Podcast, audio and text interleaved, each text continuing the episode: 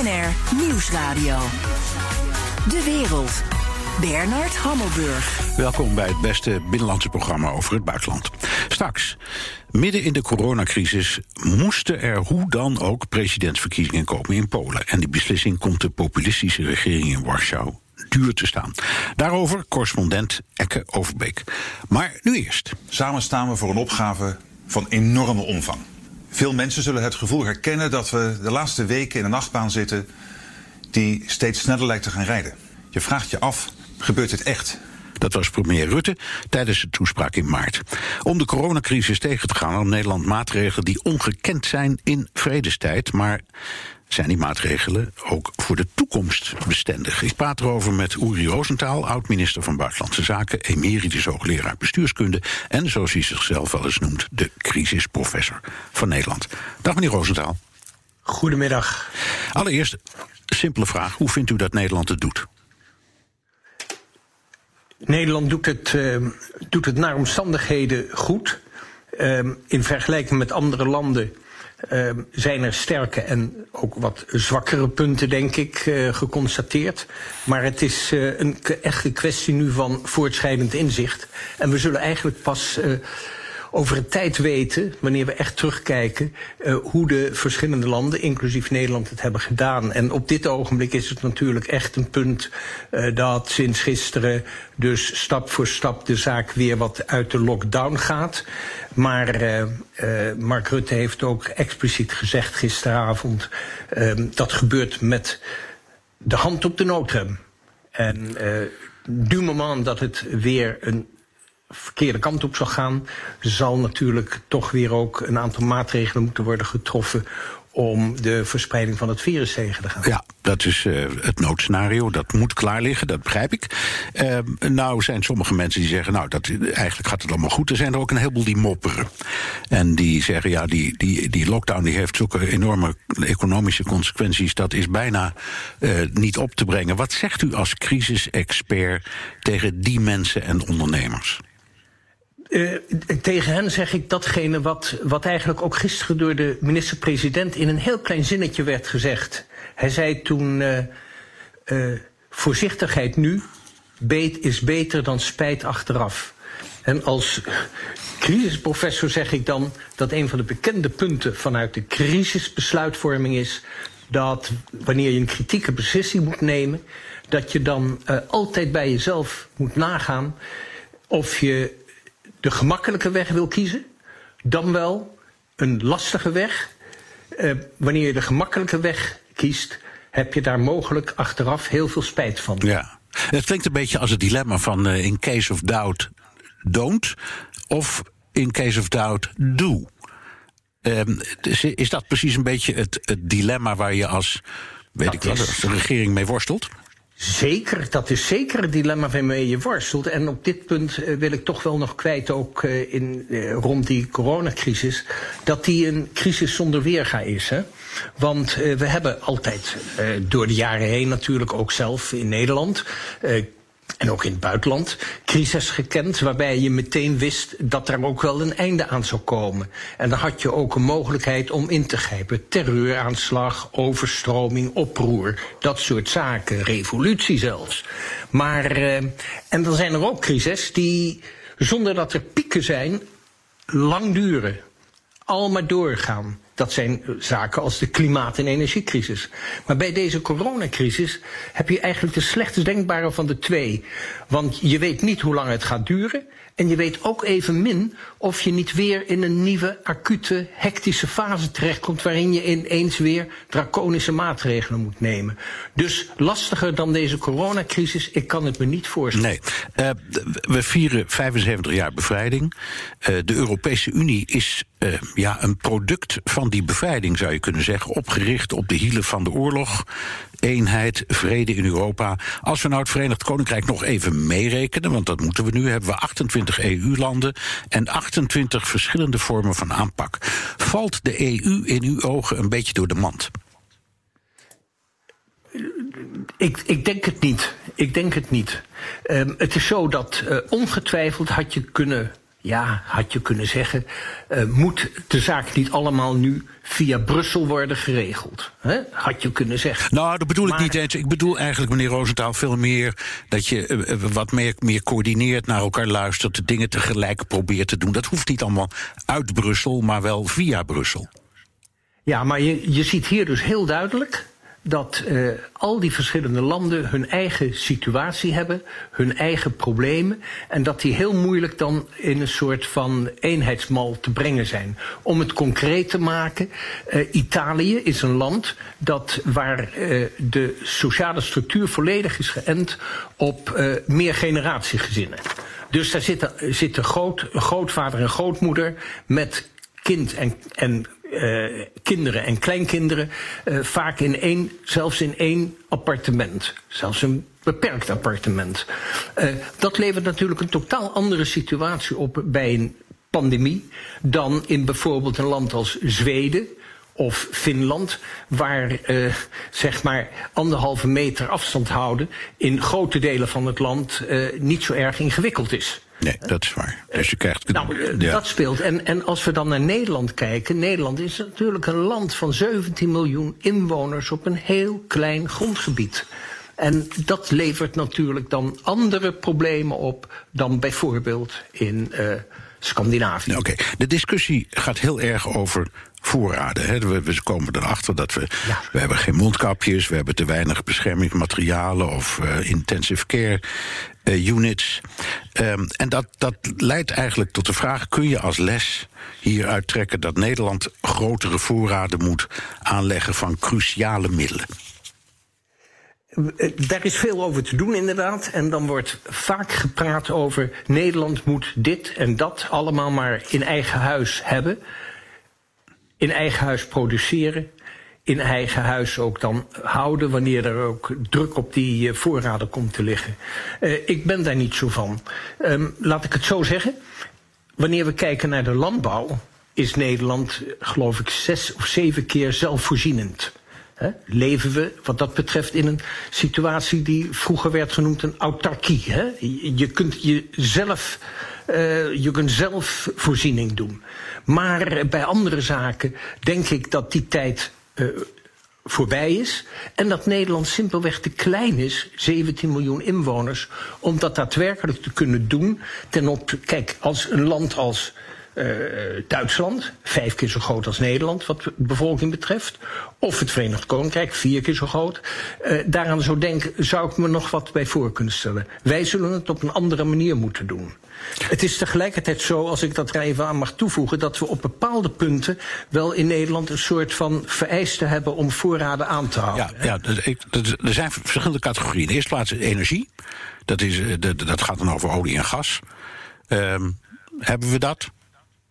Voor lange uh, waar tijd? Het, waar, ja, kijk, waar het de olie betreft geldt, maar dat is wel, wel, wel relevant om te zeggen. Daar worden wij geacht om in de internationale constellatie voorraden aan te houden. We hebben een centraal orgaan voorraadvorming olieproducten. Dat gehouden is om ongeveer 1 tot 1,5 miljoen uh, vaten ruwe olie in voorraad te hebben. En dan ook nog een aantal uh, vele vaten met diesel, benzine en kerosine. Dat is wat we hebben. Voor het overige is het de kwestie van um, uh, afspraken tussen bedrijfsleven en de overheid in Nederland. Maar laat ik, laat ik eraan toevoegen dat wanneer we kijken naar uh, wat je dan echt nodig hebt in een land, dan ligt dat vaak, uh, zit dat vaak los van die tussen aanhalingstekens voorraadvorming. Um, onze hele economie staat en valt, wordt wel eens vergeten, maar dat zegt de crisisprofessor dan, ja. bij uh, bijvoorbeeld de elektriciteitsvoorziening. Alles wat we zo ongeveer verder moeten in dit land is afhankelijk van elektriciteit. Uh, benzinepompen worden aangedreven met elektriciteit. Ja. Watervoorziening via de elektriciteit. En deze prachtige verbinding die wij nu hebben ook?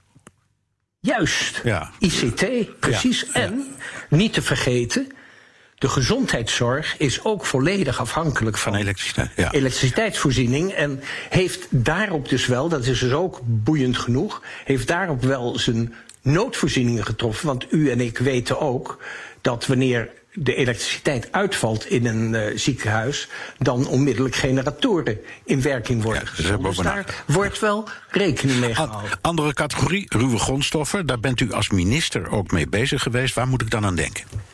Ja, dat, daar heb je een bepaalde categorie en dat noemen we dan de kritieke grondstoffen.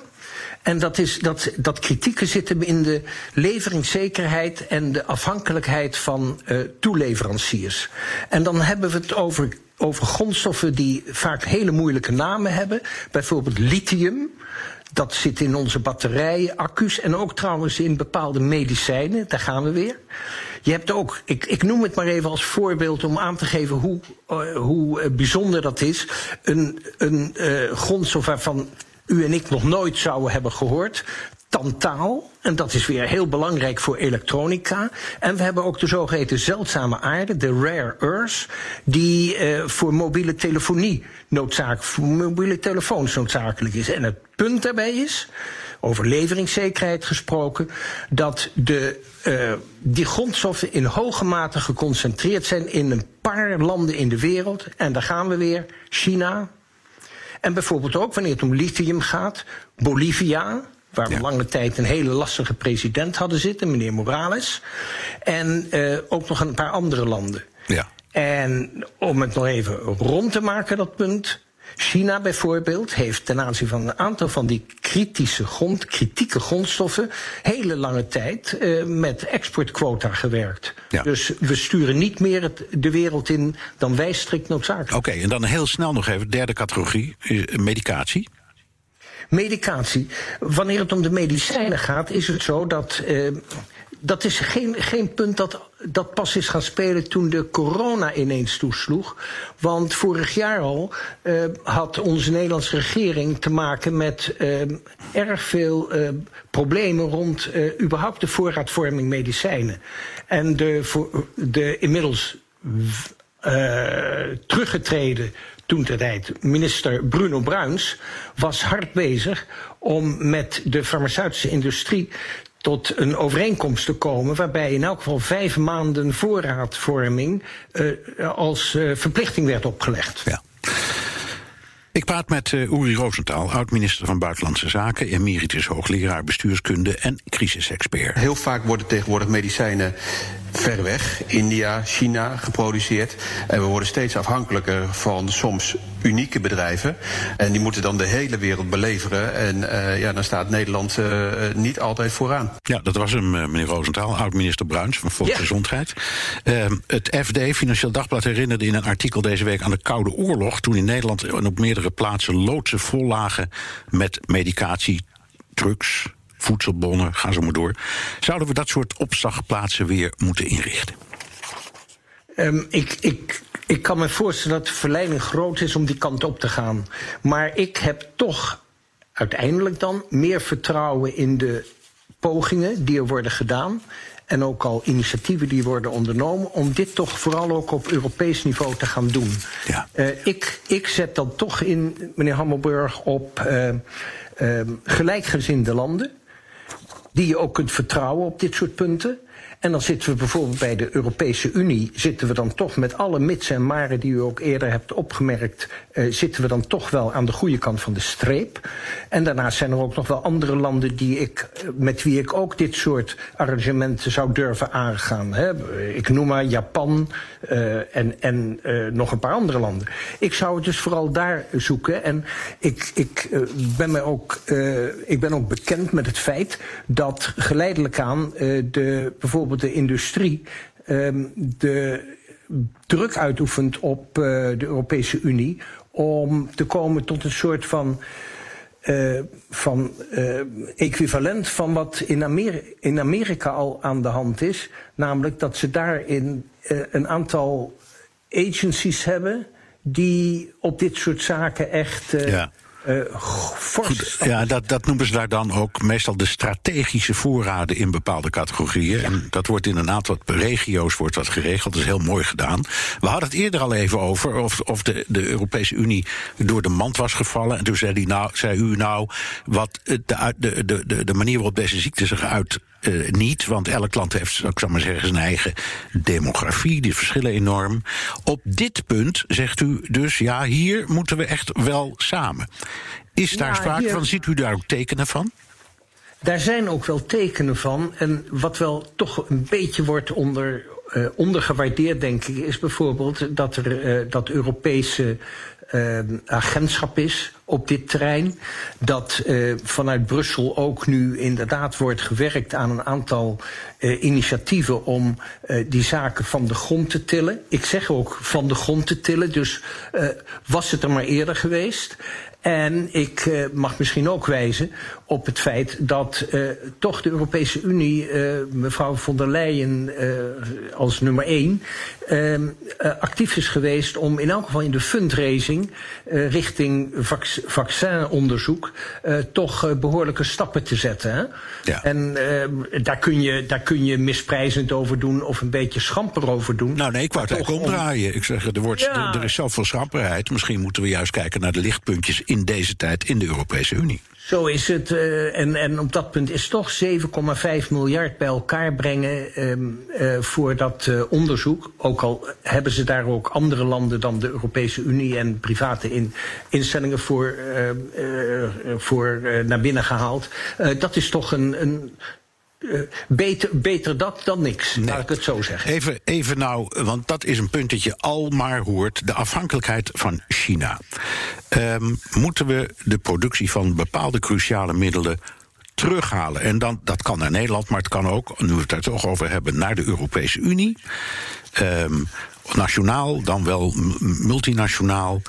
Uh, als je kijkt naar de Verenigde Staten, 90% van alle antibiotica in de Verenigde Staten komt uit China. En op zo'n moment, als je dat leest, dan denk je ja. Dat, dat, dat kan niet, dat is niet verstandig en ook niet houdbaar op termijn. Hoe, kijkt u daarnaar?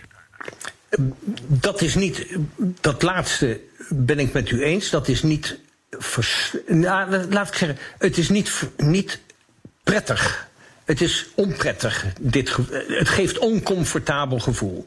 Tegelijkertijd China van je vervreemden en zeggen met hen doe ik geen zaken meer, uh, is uh, denk ik ook niet de goede lijn. Wat de goede lijn is, is denk ik uh, zoveel mogelijk proberen om toch uh, te benutten het feit dat China zoveel in handen heeft en zoveel kan produceren. Net als trouwens India, dat dan toch de grootste democratie in de wereld is. Uh, en tegelijkertijd in een NN-formule wel ervoor zorgen dat je ook in Europa uh, doet aan opbouw van uh, dit soort zaken. En op dat punt wordt dus ook wel verwezen naar de mogelijkheid om bijvoorbeeld in Oost- en Midden-Europa vrij snel uh, tot uh, productie te komen van allerlei van dit soort noodzakelijke goederen. Nee, maar nou goed, Nederland is een beetje aan de kleine kant hè, om te zeggen we halen de hele uh, medicijnproductie uh, terug. Hoewel ik vaak, als ik dit soort dingen lees, denk: wat hebben we in vredesnaam uh, gedaan door ja. het sluiten van Organon. Ik noem maar iets, hè? Dat is toch... Ja, nou ja, we, we, we, ja, u heeft op dat punt heeft u een punt. Uh, dat is natuurlijk juist. Uh, ne, maar in feite geldt, Nederland heeft vandaag de dag bijna geen eigen farmaceutische industrie meer. Maar ook met alleen Organon zouden we het natuurlijk ook niet hebben gered. Nou ja, maar het is een metafoor, echt... een metafoor van wat er is gebeurd. Ja, maar wij zijn dus echt, uh, wat dat betreft, mijn, mijn hoofdlijn is. Uh, wij moeten ons niet verliezen in uh, allerlei gedachtenspinsels over. We gaan het allemaal zelf doen. In dit kleine land, 17 miljoen inwoners. Ook al zijn we de uh, 15 of 16 of 17 de grootste economie van de wereld. Dat is toch een te kleine schaal. We moeten het op. Een, het gaat om, om schaal en het gaat om grote massa's. Miljoenen, miljoenen, miljoenen producten die je dan nodig hebt. En dat moet je dus met gelijkgezinde landen. In allianties. U, u had het daar net over, dus u zei, die zijn er. De EU uh, valt daaronder. U noemde Japan. Uh, er zijn er andere. Ja, of de Verenigde Staten nu gelijkgezind is, dat hangt een beetje van de dag af, geloof ik. Een soort dagkoers. Maar ja, toch, ja? Waar, waar, waarbij, als ik dat er even, even mag ingooien, tegelijkertijd ook voor de Verenigde Staten bijvoorbeeld geldt dat daar veel meer nog dan in andere landen um, geldt dat men daar altijd werkt met uh, nationale national security uh, clausules. Hè? Ja. Dus zodra de nationale veiligheid in het geding is, en dat is daar al heel snel, dan grijpt de uh, staat, de federale staat grijpt daarin. Wij zijn daar altijd wat laconieker in geweest. Het is pas een aantal jaren geleden dat we die nationale veiligheids clausule in feite ook in Nederland hebben opgetuigd.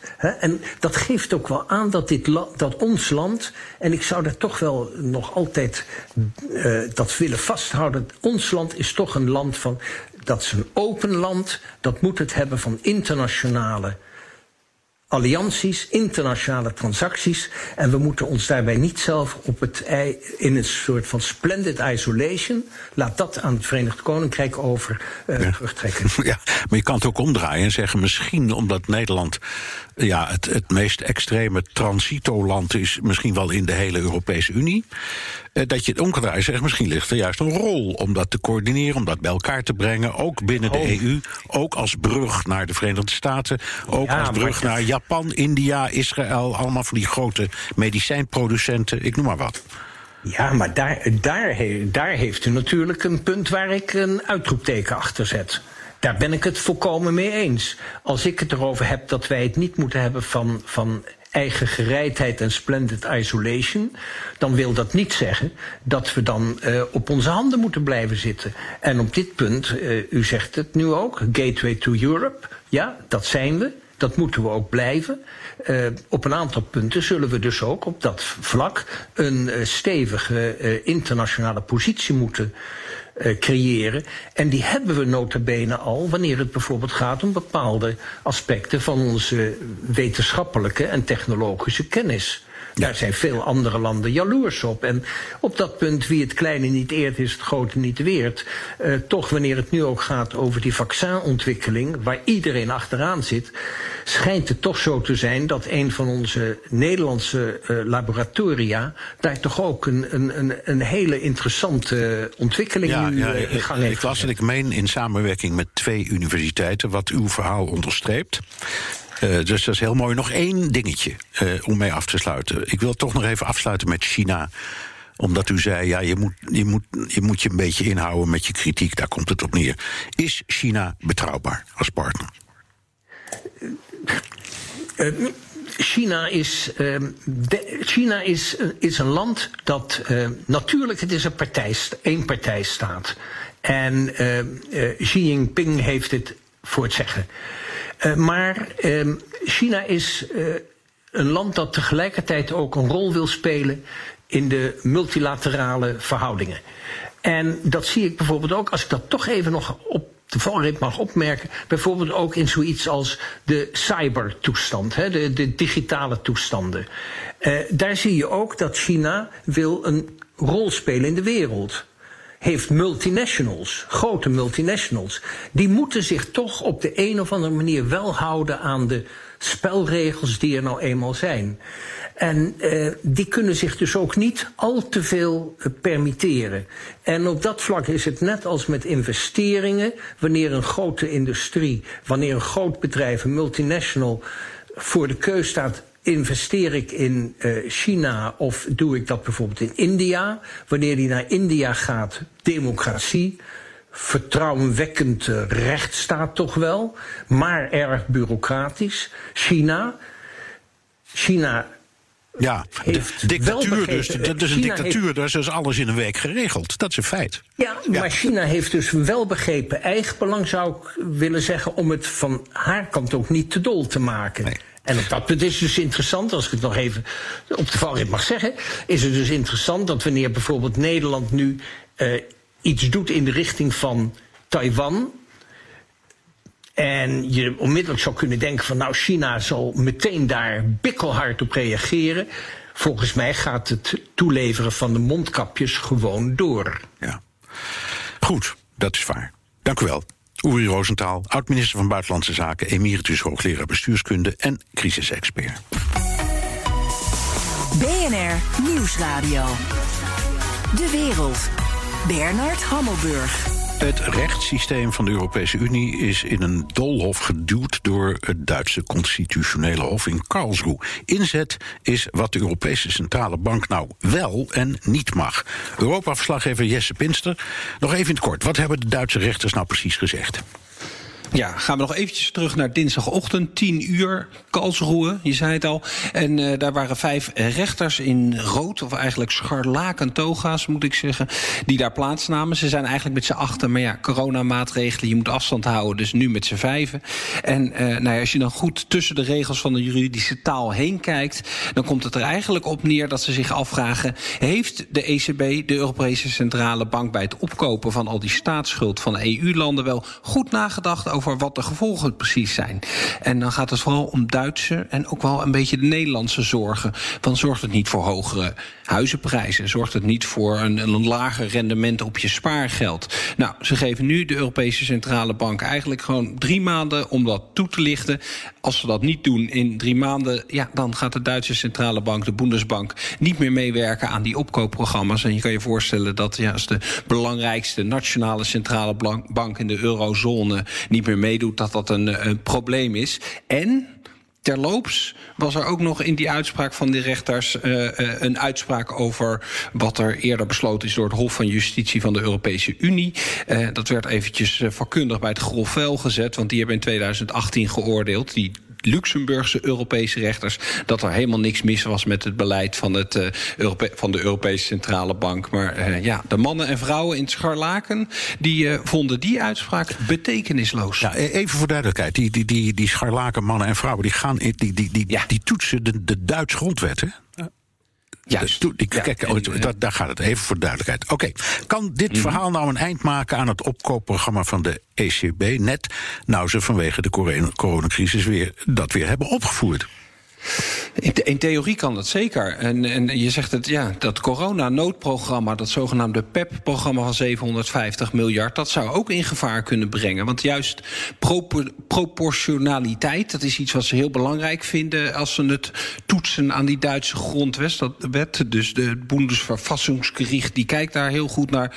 Ja, die, uh, die beperkingen, die, die proportionaliteit zeg maar, moeten bereiken, die hebben ze nou juist met dit programma losgelaten. Bijvoorbeeld dat ze maar een derde van de schuld van een land opkopen. Dat hebben ze voor deze coronamaatregelen gezegd. Nou ja, daar houden we ons eventjes niet, uh, niet aan. Dat gaat ongetwijfeld tot nieuwe rechtszaken leiden. Want die rechters uh, in Karlsruhe zeiden wel van... nee, het gaat eigenlijk gaat het daar helemaal niet om. Dat benadrukten ze. Maar ja, als je vervolgens iets anders zegt wat wel impact heeft... dan is dat natuurlijk enigszins uh, tegenstrijdig.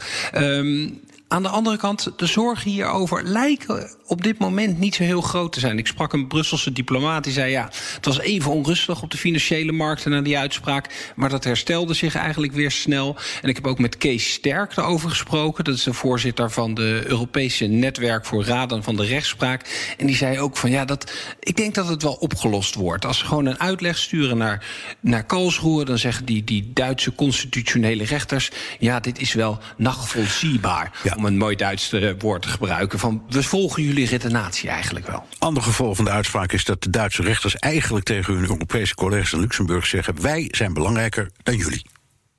Ja, tot vreugde van de regering in uh, Warschau. Of zoals diezelfde Kees Sterk zei, ja, daar gaat de vlag uit. Nou, dat klopt. De staatssecretaris van Justitie, Sebastian Caleta, die zei... lidstaten zijn de baas en Duitsland verdedigt de soevereiniteit van Duitsland. Wat een erg kort door de bocht uh, redenering is... als je de uitspraak werkelijk gaat lezen. Maar ja, in die strijd die zij al heel lang voeren... Warschau tegen de ja, Brusselse instellingen, zal ik maar even zeggen... kunnen ze dit natuurlijk gaan gebruiken. Want zij gaan ook zeggen ja, uh, net zoals we eigenlijk in, in Karlsruhe zeggen... jullie daar in Luxemburg hebben hier niks over te zeggen. Wat gaat het antwoord erop zijn van de politie in Brussel... en van de Europese rechters in Luxemburg? De, het antwoord van de Europese Commissie gaat ongeveer zo klinken. Germany are signatories of the European treaties... where the supremacy of the, the European law supersedes national law. And that's the position. Ja, dat was Ja, dat was Phil Hogan, commissaris van Handel, die eigenlijk zegt: Hallo Duitse rechters, ik leg het nog een keertje uit. De rechters in Luxemburg die zijn eigenlijk belangrijker dan jullie zijn. Oké. Dus ja, dat is een beetje, beetje kort door de bocht uh, van mijn kant uh, het antwoord. En uh, Kees Sterk, die ik daar dus ook over sprak, die zei: Ja, dat gaan die rechters in Luxemburg op een waarschijnlijk subtiele juridische manier ook doen. Die hebben dan een uitspraak en dan gaan ze datzelfde punt nog een keer in maken, zodat ze in Warschau begrijpen dat dit niet zomaar een vrijbrief is voor hun. Maar of dat voldoende gaat zijn, het is duidelijk dat er toch eigenlijk weer olie op het vuur is van een ontvlambare confrontatie die er al is tussen de EU en de, de Poolse regering over de rechtsstaat. Dankjewel. Europa-verslaggever Jesse Pinster. De Donald Show.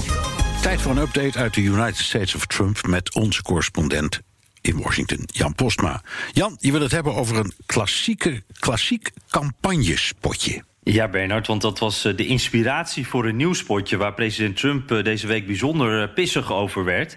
En ik dacht, ik wil eerst even dat origineel laten horen. Dat is van de campagne van Ronald Reagan uit 1984. En ik weet dat jij nu al een klein beetje zit te glimlachen... want jij weet al welke ik bedoel. Morning in America, ochtend in Amerika, het begin van een nieuwe dag... vol mogelijkheden en we zien een vredige haven, mooie huisjes met witte hekjes... en Amerikanen die met een glimlach naar hun werk gaan. It's morning again in America. Today, more men and women will go to work than ever before in our country's history. With interest rates at about half the record highs of 1980, nearly 2,000 families today will buy new homes, more than at any time in the past four years. Ja, heerlijk vredig. En de conclusie is dan, het gaat goed met dit land. Het is allemaal dankzij de president. Uh, u wilt toch niet terug naar vier jaar geleden voor Reagan, toen alles minder was. Ja. Het is echt een klassieker. Ik hou van dit sport. Ja, ik ook. Jij toch Ik, ook, uh, Bernard? are you better off than you were four years ago? Dat was toen zijn campagnespeech. En het is natuurlijk ook helemaal passend in uh, het beeld van Reagan altijd van the shiny city on the hill. Dat was, dat was het beeld dat hij altijd opriep. Oké, okay. Ja. wat is het spotje van deze week? Ja, dat, dat is het tegenovergestelde. Dit, dit, dit had dezelfde opbouw, maar het heet niet morning uh, in Amerika, ochtend in Amerika, maar morning, uh, rouw in Amerika. En in alles is het echt het tegenovergestelde. Je ziet donkere, grauwe beelden, verlaten fabrieken en ingestorte huizen. There's morning in America. Today, more than 60,000 Americans have died from a deadly virus Donald Trump ignored.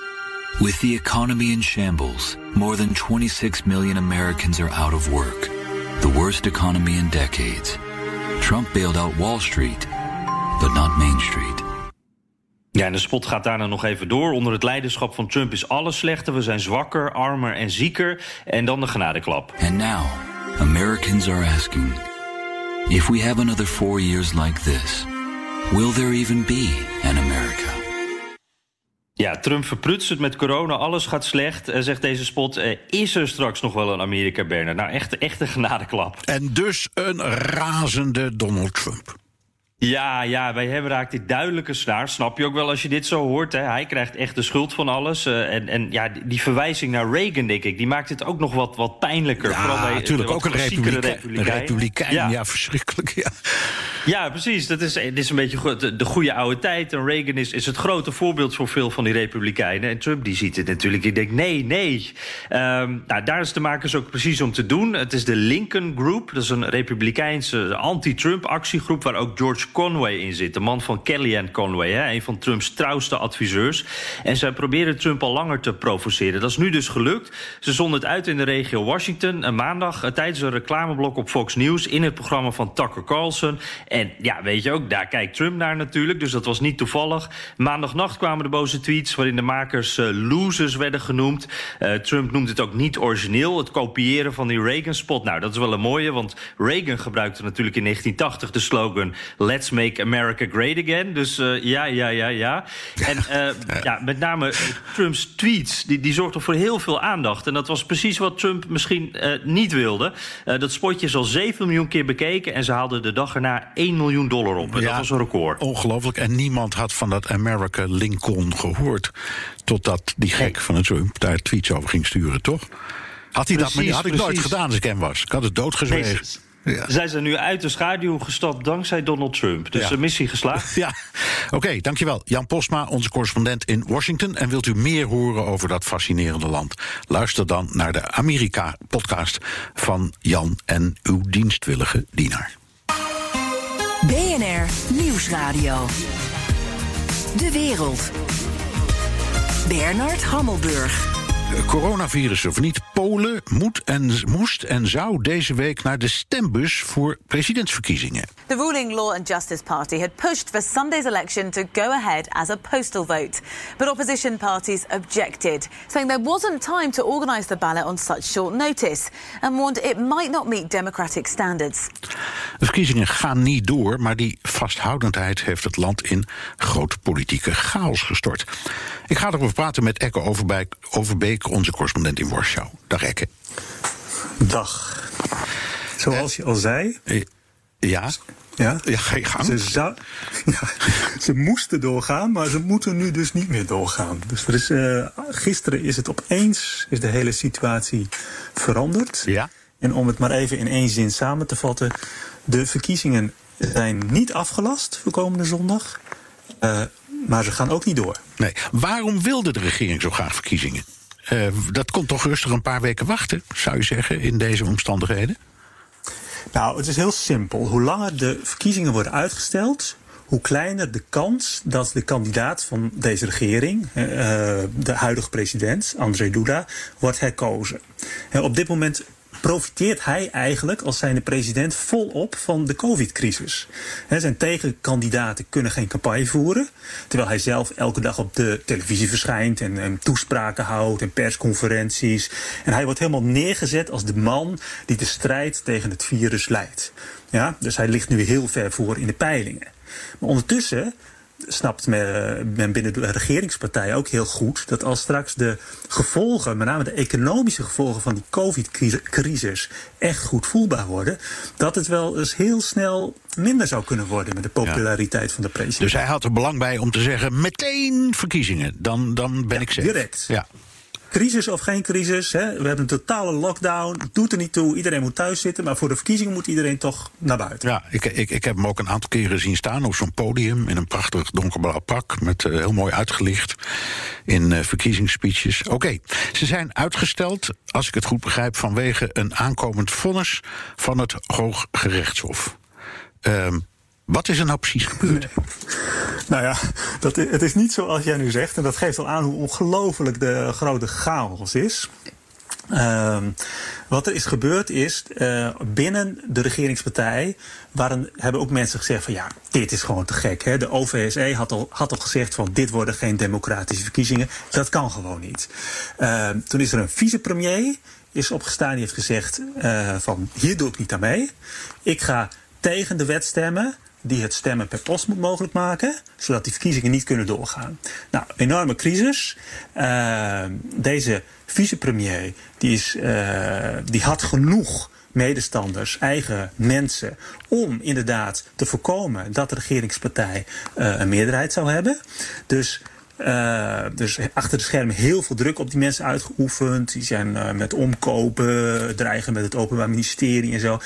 Of dat is gelukt, weten we niet. We weten alleen dat gisteravond opeens deze vicepremier uh, samen met de grote, sterke man van Polen, meneer Kaczynski, dat is de leider van de regeringspartij, Recht en Rechtvaardigheid, opeens samen eruit waren en zeiden van de verkiezingen worden niet afgelast, maar ze gaan ook niet door.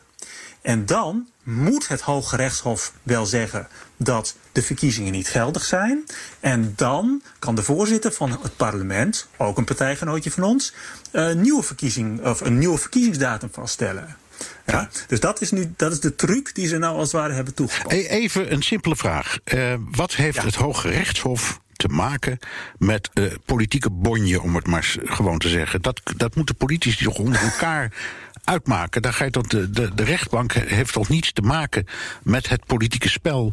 Regering, Kamer, noem maar, maar op.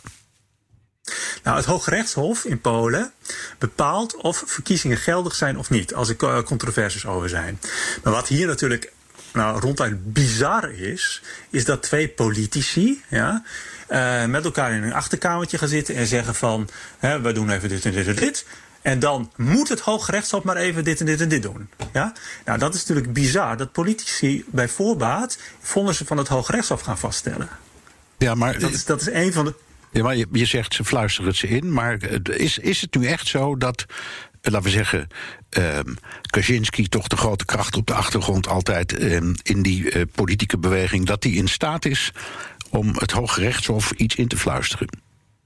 Het Hooggerechtshof nog niet. Uh, dat is, maar dat is een heel, lang verhaal. Hè. De, uh, meneer Kaczynski en zijn partij hebben de afgelopen bijna vijf jaar, uh, stapje voor stapje de politieke invloed op de rechtelijke macht vergroot. Het Hooggerechtshof is eigenlijk het enige bolwerk dat nog niet helemaal in hun hand is. Maar dat verandert op dit moment. Sinds een paar dagen hebben ze daar ook in feite hun man zitten die daar de, de scepter zwaait. En zij gaan er eigenlijk vanuit, nu al vanuit, dat het Hooggerechtshof straks ook zal doen wat zij willen, naar hen zal luisteren. Ja. Ik, ik probeer dat te begrijpen. Uh, je hoort steeds het verhaal van de regering vult de rechtbanken op, klaarblijkelijk nu tot hun eigen mannetje in het Hoge Rechtshof aan toe. Wat is daar nou zo, ik, ik, zeg het heel raar hoor, maar wat is daar zo gek aan? Want in elke democratie uh, benoemen regeringen rechters. Dus je kan zeggen, ja. ja. dat mag de Poolse regering dus ook. En ja, zoals in de Verenigde Staten, dat kan dan best eens een rechter zijn van dezelfde politieke kleur als de zittende premier, president, noem het allemaal maar op. Wat is daar eigenlijk op tegen? Nou, het is natuurlijk, je kunt niet simpelweg een onderdeeltje uit het ene rechtssysteem vergelijken met een onderdeeltje uit een ander rechtssysteem. dat is natuurlijk een, dat is, dat is zo per definitie een scheve vergelijking. Maar om het even heel simpel te zeggen. Kijk, in Amerika worden die rechters benoemd in lijn met de grondwet. Ja? En die grondwet garandeert op allerlei andere manieren de onafhankelijkheid van de rechtelijke macht. Ja. In Polen is het precies omgekeerd. In Polen worden die rechters sinds kort benoemd op een manier die ja, flagrant in strijd is met de grondwet. Ja? En dat is het grote verschil. Ja, um, ik begrijp dat eh, de kandidaten, zal ik maar zeggen, van niks wisten en gewoon gingen debatteren gisteravond. Dus die, die wisten helemaal niet dat die doorging. Ja, sterker nog, onder die kandidaten was de zittende president Andrzej Duda. Ja, dus de kandidaat, de, de man van de regeringspartij, de man van Kaczynski. Dat geeft ook aan, kijk, je moet je voorstellen dat die dus op de staatstelevisie een debat aan het voeren waren. Ze kwamen uit dat debat en toen kregen ze te horen dat de verkiezingen helemaal niet doorgaan. Nou, dat is natuurlijk, laat ook zien. Uh, hoezeer Andrzej Duda, dus de president, in feite ja, een marionet is van uh, Kaczynski. Dat, dat de zittende president gewoon van de media te horen krijgt dat de verkiezingen waar hij zelf aan meedoet niet doorgaan. Als hij net uit een debat komt, het is, het is, dat kun je bijna niet bedenken als speelfilm. Komen er nou wel verkiezingen, denk je, en zo ja, wanneer? Uh, ja, er zullen ongetwijfeld verkiezingen komen. Wanneer, dat weten we niet. Dat is, uh, formeel zijn er dus verkiezingen zondag. We hebben, het schijnt zelfs zo te zijn dat we dus ook een verkiezingsstilte hebben op zaterdag. Dat is in Polen zo. Je mag een dag voor de verkiezingen... Mag er geen, geen campagne, nee. Uh, ja, geen campagne worden gevoerd. Dus zaterdag mag er niet over politiek worden gesproken. Omdat er zondag verkiezingen zijn die er niet zijn. wanneer de, wanneer de, er dan wel verkiezingen zullen zijn... Ja, dat, dat is nog een, een, een, een raadsel. Men spreekt over ja, juni, juli, eventueel zelfs nou ja, augustus. Maar ja, dan is eigenlijk is het al een beetje te laat. Want eind augustus loopt de ambtstermijn van de huidige president af. Ja, dan moet hij weg zijn. Ja, ik snap het. Wat vindt de gewone Pool daar nou van? Nou, ik heb het idee dat heel veel luisteraars het al heel moeilijk vinden om dit te volgen. Nou, ik al, nou, in elk geval. En ik luister heel goed naar je. Ja. Um, dan zijn ze in, in, in een goed gezelschap, want ik denk dat 38 miljoen Polen het ook niet meer snappen. Het is echt, uh, we hebben in het uh, Nederlands een, een, een uitdrukking, Poolse Landdag. Uh, dat betekent zoiets als een, als een grote chaos. En dat is precies wat het is. Ja, en heel veel, heel ja. veel mensen hebben zoiets van, ja, die politici echt, het vergroot natuurlijk de afkeer van de politiek in zijn algemeen. Ja, nog heel even, want daar had Jesse Pinster het al eerder in de uitzendingen over onze Europa-verslaggever. Die, die uitspraak van een Duitse rechter in Karlsruhe. Die, die oordeelde dat het Europese Hof onverantwoord is en zich niet mag bemoeien met het monetair beleid. En hij zei er toen bij: in Polen ging de vlag uit. Klopt dat? Uh, dat wil zeggen bij uh, de regering, ja. Dat, Is, dat is natuurlijk direct aangegrepen door uh, de regering om hard te roepen. Zie je wel, hè? het Duitse constitutionele hof zegt ook dat zij het laatste woord hebben, dat het Europese Hof in Luxemburg er niks over te zeggen heeft. Ja. Nou, ik, dus, ik heb daar nog niet veel reacties op gelezen, maar ik ben even in de materie gedoken. Er zijn wel heel grote verschillen. Want het uh, Bundesverfassungsgericht in uh, Karlsruhe zegt niet tegen het Europese Hof: jullie mogen hier helemaal niet mee bemoeien, jullie zijn niet competent. Dat, dat, dat, zegt, dat zegt de Duitse uh, constitutionele hof niet. En dat is wel wat de Polen zeggen. Ja. Die zeggen gewoon: Europese Hof mag er zich er niet mee bemoeien. Nee, maar die lezen de kop, zo gezegd. En de uitleg Ja. niet. Dat begrijp ik ook best. Dat zou ik ook doen als zij het waren. Maar ik stel de vraag, omdat. ehm, het, het, is eigenlijk een opmaat naar dit. Al- Als je luistert naar Polen. Als je ze spreekt, als je ze hoort discussiëren, dan voelen ze zich super Europees. Eh, en ze, ik, mijn indruk is dat zij niet snappen waarom wij niet snappen hoe zij in elkaar zitten. Ik, eh, klopt dat? Uh, ja, dat klopt. dat is zonder meer waar. En het is ook een, dat is ook de ja, een paradox als je het over Polen hebt. Het is een land waar de Europese Unie heel erg populair is. Veel populairder dan in veel andere lidstaten. En ondertussen is er nog altijd ja, een, een, een, groot deel van de bevolking dat achter een regering staat. die op zijn zacht gezet, gezacht gezegd nogal mot heeft met, uh, met Brussel. Ja, maar dat gaat dan over de wijze waarop die regering wil regeren. Namelijk niet democratisch volgens de EU-criteria. En dat is iets anders dan dat je als Pool zegt: ik voel mij super-Europeaan. Ja, nou kijk, het is. Uh, laat ik het zo zeggen. Uh, PiS, dus Recht en Rechtvaardigheid, die partij van Kaczynski, die is uh, aan de macht gekomen, die, het dankzij populariteit, niet aan een anti-Europees geluid. Je moet dat meer zien als een, je moet die PiS meer zien als een tegenreactie op de heel grote veranderingen die in Polen hebben plaatsgehad. Dus je hebt een, een, een van uh, plan economie naar vrije markt heb je gehad. Je hebt een enorme modernisering van de samenleving gehad. En dat roept gewoon een tegenreactie op. Uh, en dat is, dat is waar, uh, waar grotendeels zijn populariteit aan dankt. Binnen Europa, als het om Europa gaat, dan zegt PiS dus niet wij zijn, wij zijn tegen Europa. PiS zegt dan wij zijn eigenlijk het echte Europa. Wij, wij Polen zijn eigenlijk het echte Europa, want wij zijn eigenlijk nog steeds, hebben de traditionele Europese waarden. En de Europese Unie moet gewoon veranderen, niet wij. Nee. Dat, en dat is de manier waarop ze eigenlijk die twee dingen, die op het eerste gezicht ja, tegenstrijdig zijn, aan elkaar weten. Ja, ja, en dat is dus het, ja, het is, het is bijna bizar dat die Polen zeggen wij zijn super Europees en dat Brussel zegt jullie doen alles in, jullie handelen compleet in strijd met de Kopenhagen criteria die wij hanteren om te beoordelen of een land eigenlijk wel bij ons hoort. Ja, maar toen die Kopenhagen criteria werden geformuleerd, en de nieuwe lidstaten eraan voldeden, of de aankomende lidstaten, toen ging iedereen ervan uit van, nou ja, als die, hè, die Kopenhagen-criteria over democratie één keer zijn ge, ge, geïmplementeerd, zal, zullen die landen niet meer terugvallen. Ja, en dat blijkt dus een hele grote misvatting te zijn. Hè. Het blijkt dus dat ja, dat deze landen, niet alleen deze landen trouwens, uh, dat er wel degelijk ja, krachten zijn die uh, ja, niet per se democratisch zijn in nee, de nee. liberale zin van het woord. Nee. Oké, okay, dank. Ekke Overbeek, correspondent in Polen. En tot zover BNR De Wereld. Terugluisteren kan via de site, de app, Spotify of Apple Podcasts. Reageren kan via een mailtje naar dewereld.bnr.nl. Tot volgende week.